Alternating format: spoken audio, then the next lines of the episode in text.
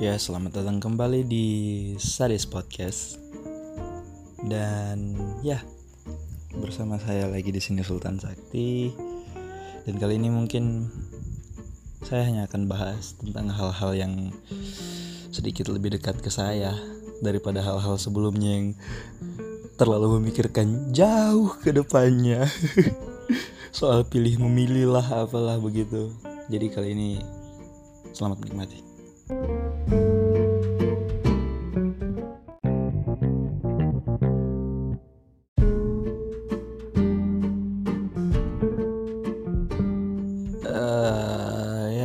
sebagai seorang laki-laki yang tinggal sudah tinggal lama di kota Palu.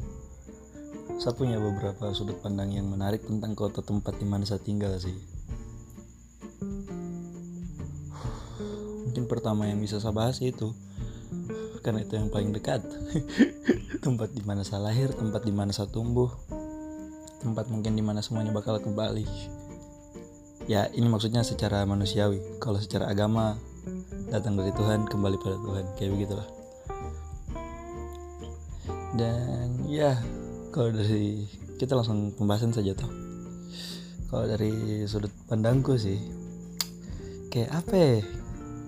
Banyak orang Palu itu aneh-aneh. Sudut pandangku ini ya sudut pandangku. Sudut pandangku itu begitu. Banyak orang Palu itu bukan aneh sih agak agak bagaimana ya mau dibilang menyimpang juga. Tidak kita orang kita orang tetap orang-orang Palu itu tetap seperti orang-orang Indonesia pada umumnya. Yang kalau lampu hijau tiba-tiba lampunya beralih ke kuning motornya tambah digas. Pas sudah merah kalau belum 5 detik tetap jalan. Tetap seperti orang Indonesia pada umumnya. Ibu-ibunya juga sama weser kanan belok kiri tetap sama tidak ada yang terlalu apa ya, tidak ada perbedaan yang terlalu signifikan. Cuma bagaimana bilangnya? Yang saya maksud perbedaan di sini bukan seperti yang kayak stigma stigmanya orang begitu dan kalau stigmanya orang orang-orang dari luar Sulawesi dari mana begitu stigmanya orang ke Palu itu kan orang-orang di Palu itu keras begini ini itu apalah pokoknya stigma stigmanya orang tapi kalau dari sudut pandangku yang sebagai seorang antisosial juga yang tidak terlalu kenal banyak orang tidak kenal terlalu banyak orang itu kayak yang saya kenal itu entah kenapa orang-orang yang saya kenal itu adalah orang-orang yang betul-betul beda dari orang-orang pada umumnya. Yang yang saya kategorikan orang-orang pada umumnya di sini itu yang kayak ibu-ibu yang keluar dengan cucunya datang ke balai kota makan siomay nongki terus pulang. Datang ke tempat ikonik di kota itu. Nongki pulang. Nah itu kan orang-orang pada umumnya tuh tapi orang-orang yang saya kenal kayak eh bagaimana? Begitu. Kegiatannya dorong beda-beda begitu dan banyak yang mau coba ini itu.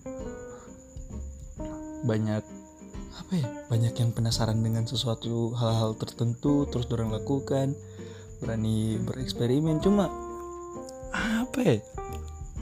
Orang-orang yang lain yang ada di sekitar sini kayak biasa saja. Yang apa ya? Itu juga itu juga menggambarkan orang Indonesia sekali. Itu Palu itu memang ada hal di Palu yang masih Indonesia sekali. Dan ada juga hal di Palu yang betul-betul Palu sekali yang dicari di kota mana pun di wilayah mana pun di Indonesia hanya akan didapat di Palu. Bukan aneh bukan kayak semacam yang khas-khas begitu bukan kayak makanan khas pakaian adat. Nah kalau itu memang pakaian adat Palu cuma di Palu lah pakaian adat Sumatera Barat di Sumatera Barat. Tapi kayak apa ya kayak perilakunya orang-orang caranya orang-orang bersikap uh, by the way 02 menang di Palu loh. Suaranya 02 tinggi di Palu. Jadi itu mungkin bukti dari stigmanya orang-orang kalau orang-orang Sulawesi orang-orang ke arah-arah timur ke arah-arah kemari itu keras-keras. Ya tapi di timur menang Jokowi sih. Cuma Sulawesi Prabowo uh, sudah beralih dari politik orang Palu itu. Apa ya? Kita orang kita orang di sini kegiatannya sama seperti orang pada umumnya.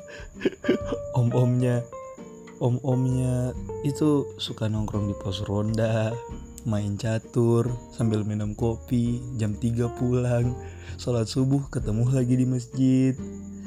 Habis ketemu pagi pagi nongki lagi atau urusan kerja atau apa pun. Kalau orang berbeda-beda pekerjaannya pasti kan begitu. Tapi kalau tidak ada pekerjaan pasti begitu lagi kegiatannya nongki lagi. Habis itu setiap azan istirahat atau apa malamnya ketemu nongki lagi. Ada juga yang begitu sih. Bahkan dekat komplek di mana saya tinggal setiap malam nongki anjing main catur bangsat. Itu saya kayak balik kayak baliknya itu kayak eh uh, kemarin tidak bosan baku baku lihat tiap malam ya. Tiap malam ketemu duduk baku agak kau lagi kau lagi. Tidak ada rasa jenuh begitu ya. Bahkan saya yang cuma lewat-lewat setiap malam saja lewat itu lihat mukanya ada orang di situ juga membosankan tidak ada kegiatan lain begitu atau kamu orang baku ajak pergi kafe. Tapi itu tidak terbayangkan di kepala aku sih bagaimana kalau misalnya om-om usia 40 50 sampai 60 mungkin umurnya. Baku ajak tiba-tiba di grup WhatsApp begitu woi grup WhatsApp squad woi squad squad begitu dan pos randu catur squad anjing kalau misalnya kan ada yang kayak begitu kan bagus tuh jadi orang tinggal apa chatting di grup ajak eh malam ini kita main catur di mana? Aja oh di cafe ini ayo. Siapa yang bayar? Saya malam ini saya besok lain. Woi kalau begitu kan lebih variatif lebih lebih apa ya lebih menarik daripada tiap malam kamu kamu saja dilihat di sini di komplek. Besok malam kamu lagi. Besoknya kau lagi tidak ada muka lain. Tapi ya diakui sih kalau orang bajaga-jaga begitu tentram apa apa karena siapa yang berani ganggu om-om main catur. Ya Tuhan. Om-om main catur kok ganggu kok naik motor salah masuk perseneling saja salah masuk gigi. Baru motor muta kancing di jalan saja kok diteriaki. Dikira kok buang gas. Woi Padahal kita kan tidak tahu apa-apa ini motor tak kancing. Atau kau keluar jam setengah tiga saja pakai jaket hitam, pasti kau dihaga-haga itu. itu dilihat dari kau dari kau ujung jalan sampai ke ujung jalan lain itu kok diperhatikan terus kayak seolah-olah kau itu habis mencuri ayam di mana begitu padahal kau cuma mau ke kios tapi dihaga sepanjang jalan. Hmm, sampai sampai hilang suara motormu. Terus lagi belum lagi pulang dari kios. Apa yang kau beli itu dihaga dikira kau bengkali beli obat minuman keras atau apa begitu mau mabuk. Padahal beli apa? Indomie. Dihaga hmm, dari ujung jalan sampai ujung jalan. Pokoknya sampai hilang suara motormu sudah. Dihaga terus kayak itu ya sebenarnya ini pengalaman pribadiku sih anjing. Aduh. Karena karena saya itu orangnya apa ya suka lapar tengah malam. Jadi setiap tengah malam bukan juga setiap tengah malam sih kadang-kadang kalau sudah tengah malam itu saya selalu ke warung ke kios ke Alfamidi buat beli Indomie karena saya lapar. Dan tidak enaknya kalau misalnya saya motor itu pasti dihaga-haga begitu aja kenapa kenapa orang yang keluar jam-jam segitu stigmanya buruk sekali? Pandangannya orang sama orang yang keluarnya begitu itu selalu buruk. Padahal kan bisa jadi dia lapar. Tapi selalu dihaga kayak kayak kita sudah habis sudah baru saja melakukan dosa terbesar di alam semesta gitu dari kau datang dihaga. Hmm, sampai motormu hilang suaranya. Kayaknya itu kalau kau tidak balik-balik lagi kayaknya kau dicari deh soalnya pas kau balik dihaga ulang. Jadi kalau kau tidak tidak pulang-pulang kau bakal dicari kayaknya. Mana tadi orang yang lewat di sini belum pulang-pulang jangan-jangan dia bacuri ayam betulan.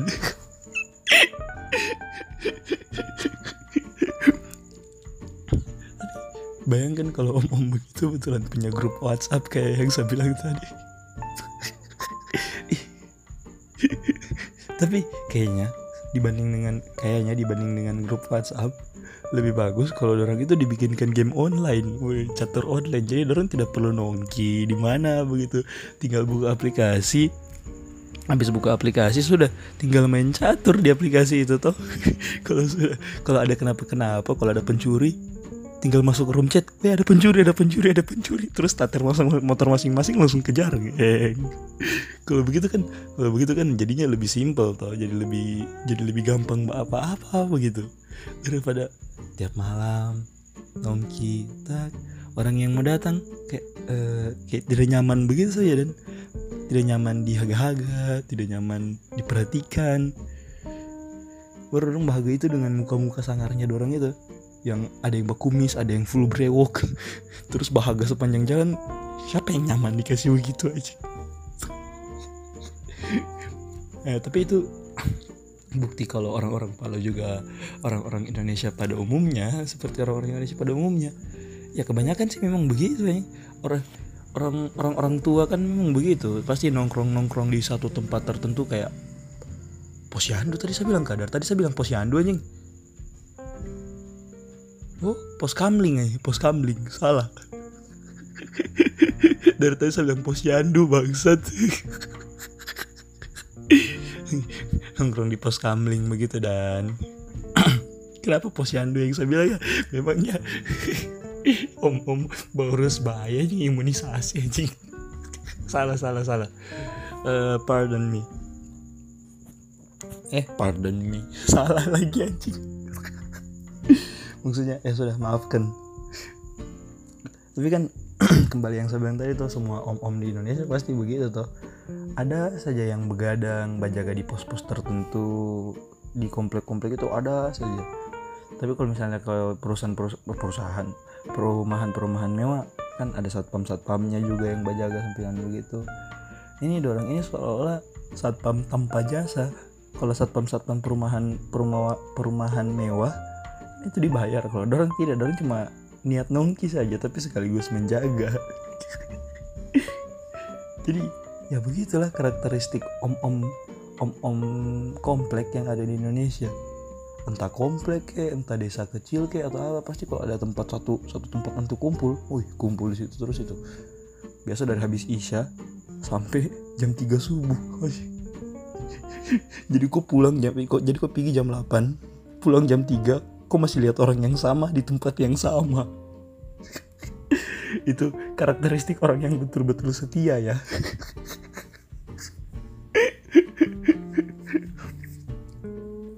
apa? Apa lagi hal yang bisa membedakan kita? Ini kita sama-sama orang Indonesia jadi kebiasaannya kita pasti selalu sama apalagi begini saja saya bahas yang lebih luas. Jangan palu palu terlalu apa ya saya tidak punya hal menarik yang bisa saya bahas. Bukan karena tidak ada kejadian menarik yang terjadi di Palu. Saya tidak terlalu peduli dengan hal-hal yang dekat sekali ke saya lah sialnya begitu. Jadi kita ruang ruang pembahasannya dikasih lebih luas kita bahas yang Indonesia tapi rasanya Indonesia akhir-akhir ini kayak bagaimana begitu rasanya kamu orang rasa juga tidak kah pokoknya sejak sebelum pesta demokrasi ini, wih, sebelum pesta demokrasi ini kan semuanya sudah mulai tidak normal. Semakin kemari, semakin tidak normal.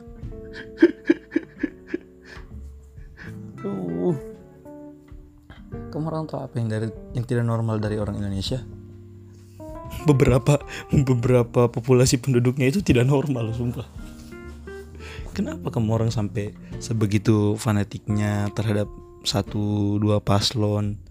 Padahal siapa pun yang naik kehidupannya kamu tidak terlalu berubah. Kenapa begitu sekali kak? Saya bingung dengan orang-orang Indonesia ini.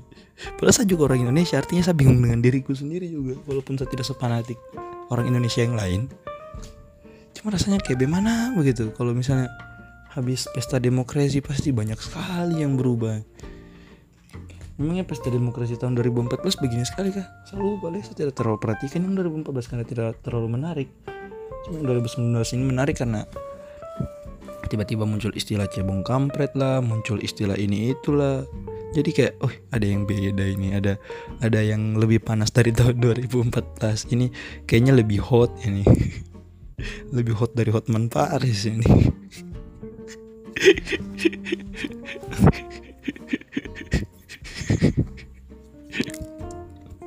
Nah, kembali ke pembahasan tadi orang-orang orang-orang yang ada di sekitarku lah. Atau lebih ruang luasnya orang-orang di Indonesia. Saya itu juga agak bukan agak bermasalah sih, agak agak lucu saja liatnya. Kalau lihat tante-tante gaptek. Pokoknya tante-tante atau om-om itu kenapa mereka orang-orang ini kayak seperti malas dan susah paham akan teknologi? Itu yang saya bingung kan kenapa sih? Apa susahnya?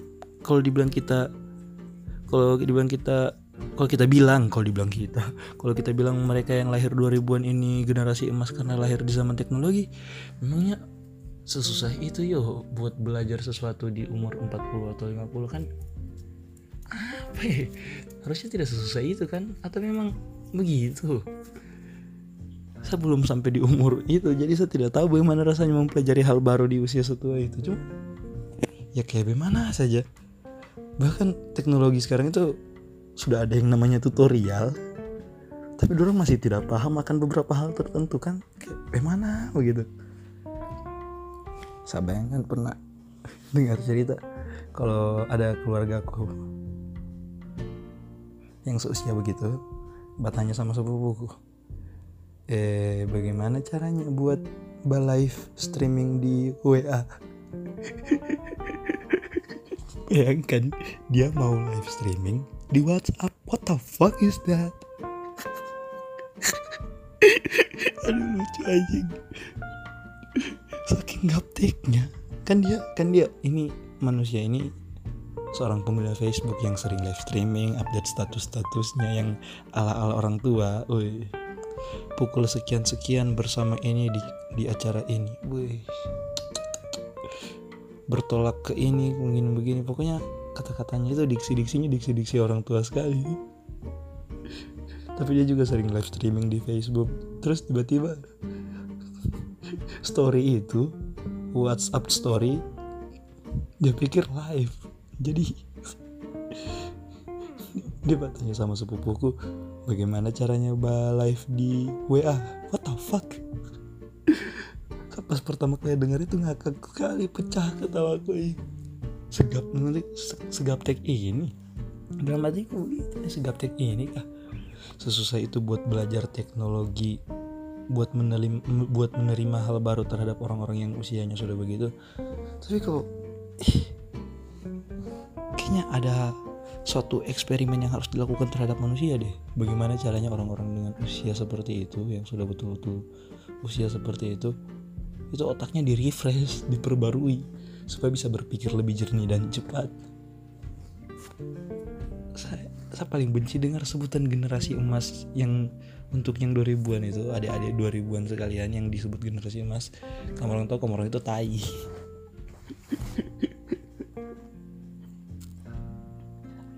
Generasi emas matamu dewe. Eh gimana mu orang yang apa ya, yang berperan di teknologi orang yang sudah berpengalaman lah. Jadi yang masih kecil-kecil generasi emas itu dididik baik-baik dulu diperkembangbiakan jadi lebih baik. Dikembangbiakan kayak hewan ini dikembangbiakan jadi lebih baik. Terus ya di saat dorong sudah jadi lebih baik dorong tidak bakal segaptek orang tua orang tua yang sekarang kan karena dorong sudah jadi lebih baik. Itu simpelnya. Dorong sudah jadi lebih baik jadi apa yang perlu dorong tidak tahu? Dorong bisa tahu semuanya sekarang di zaman sebebas ini. Cuma ya karakteristik orang Indonesia itu kayaknya orang Indonesia mana pun pasti terdapat apa ya, hasrat kemalasan yang mendalam di dalam raganya. Woi anjing. Hasrat hasrat kemalasan yang malas yang betul-betul malas, bukan malas yang istilah kayak ih mager leh, ih ini leh, ih itu leh. Yang sama maksud di sini ini malas yang malas, tidak mau bawa apa-apa, betul-betul tidak mau bawa apa-apa. itu entah kenapa di semua orang yang saya temui di lingkunganku semua punya begitu. Dan siali orang Indonesia itu kayak apa ya susah jujur kalau malas. Kalau diajak ke sini eh sorry leh seada ini ini nah ada, ada cara ini leh sorry leh sate bisa sate dikasih ini ini ini ini ini ini. Padahal sebenarnya inti dari semuanya orang hanya malas. Tapi tapi orang suka tidak jujur dengan diri sendiri. Orang lebih pilih berbohong untuk menjaga perasaannya orang lain. Supaya orang lain tidak merasa ditolak karena malasnya orang padahal orang lain itu tahu juga cuma cuma mau jaga perasaan sebaliknya juga. Begitu terus saja baku jaga perasaan terus saja ya itu juga satu. Itu mengarah ke orang Indonesia yang lebih suka kode-kodean. Kan bangsa tadi sekarang bukan hanya cewek yang sering kode anjing. Bahkan cowok kalau ada maunya terhadap cewek atau bahkan ke teman sesama cowok kadang ada yang sudah mulai main kode kan bangsat gitu anjing. Dalam hal apa? Salah satu contoh rokok. Saya punya teman yang kalau lagi tidak pegang rokok dia tidak langsung minta rokok. Kadang kadang semuanya dimulai dari satu kode kecil. Gatal mulut lah gatal sudah bibir. Eh tidak ada asap. Bisa langsung bilang minta rokok saja daripada bakode begitu. Itu tai sekali sumpah bahkan apa ya? Apa buktinya lagi kalau semua orang di Indonesia itu begitu suka kode-kodean? Kalau cewek ya dari dulu dari zaman mbah-mbah dulu yang sudah sudah 5790 juta tahun abad yang lalu. Yang sudah berabad-abad yang lalu. Itu sudah ditahu kalau perempuan itu begitu. Cuma sekarang ini tiba-tiba ada saja cowok yang baku kode-kode begitu. Itu kayaknya itu kayaknya cowok yang baku kode-kode begitu. Waktu kecil titiknya sudah dimakan bebek aja. Jadi dia merasa dia cewek.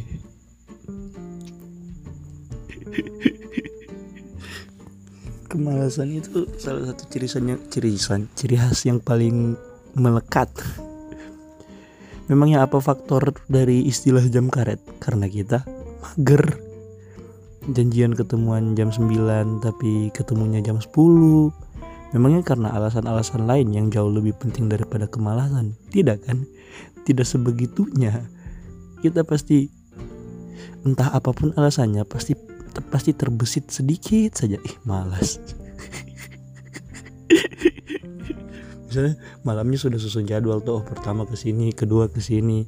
Terus tiba-tiba pagi bangun tuh ih sedikit lagi eh, malas ada-ada saja yang begitu. Entah kenapa dorong begitu aja.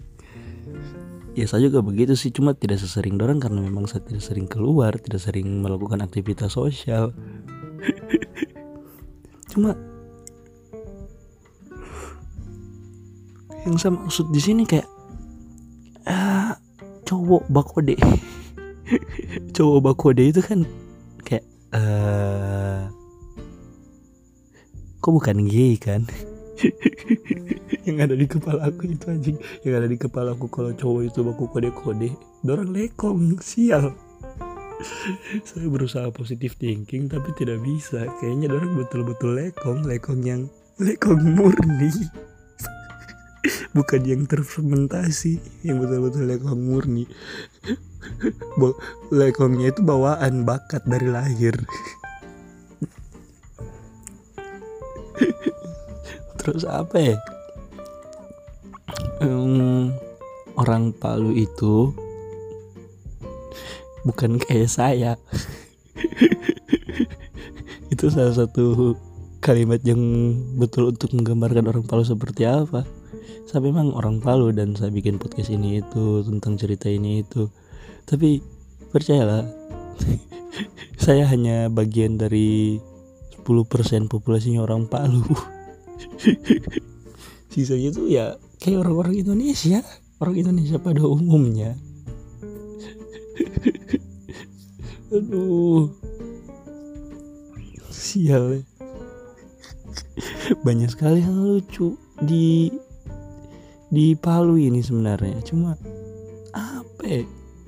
kita itu kayak tidak niat buat cerita dan bahkan yang viral-viral dari Palu kalau kamu orang ada yang dari luar denger ini kan yang viral-viral dari Palu apa? Orang-orang kayak Nurani orang-orang pokoknya orang-orang yang kejiwaannya itu cuma setengah cuma setengah jiwa saja. Nah itu yang begitu yang tak angkat di sini.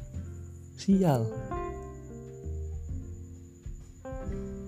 Eh, kenapa tiba-tiba saya emosi buat podcast ini ah sudahlah daripada jadi jauh lebih emosi dari ini dan saya juga sudah ngantuk. So ya yeah, sampai jumpa di kegabutan yang selanjutnya. Bye bye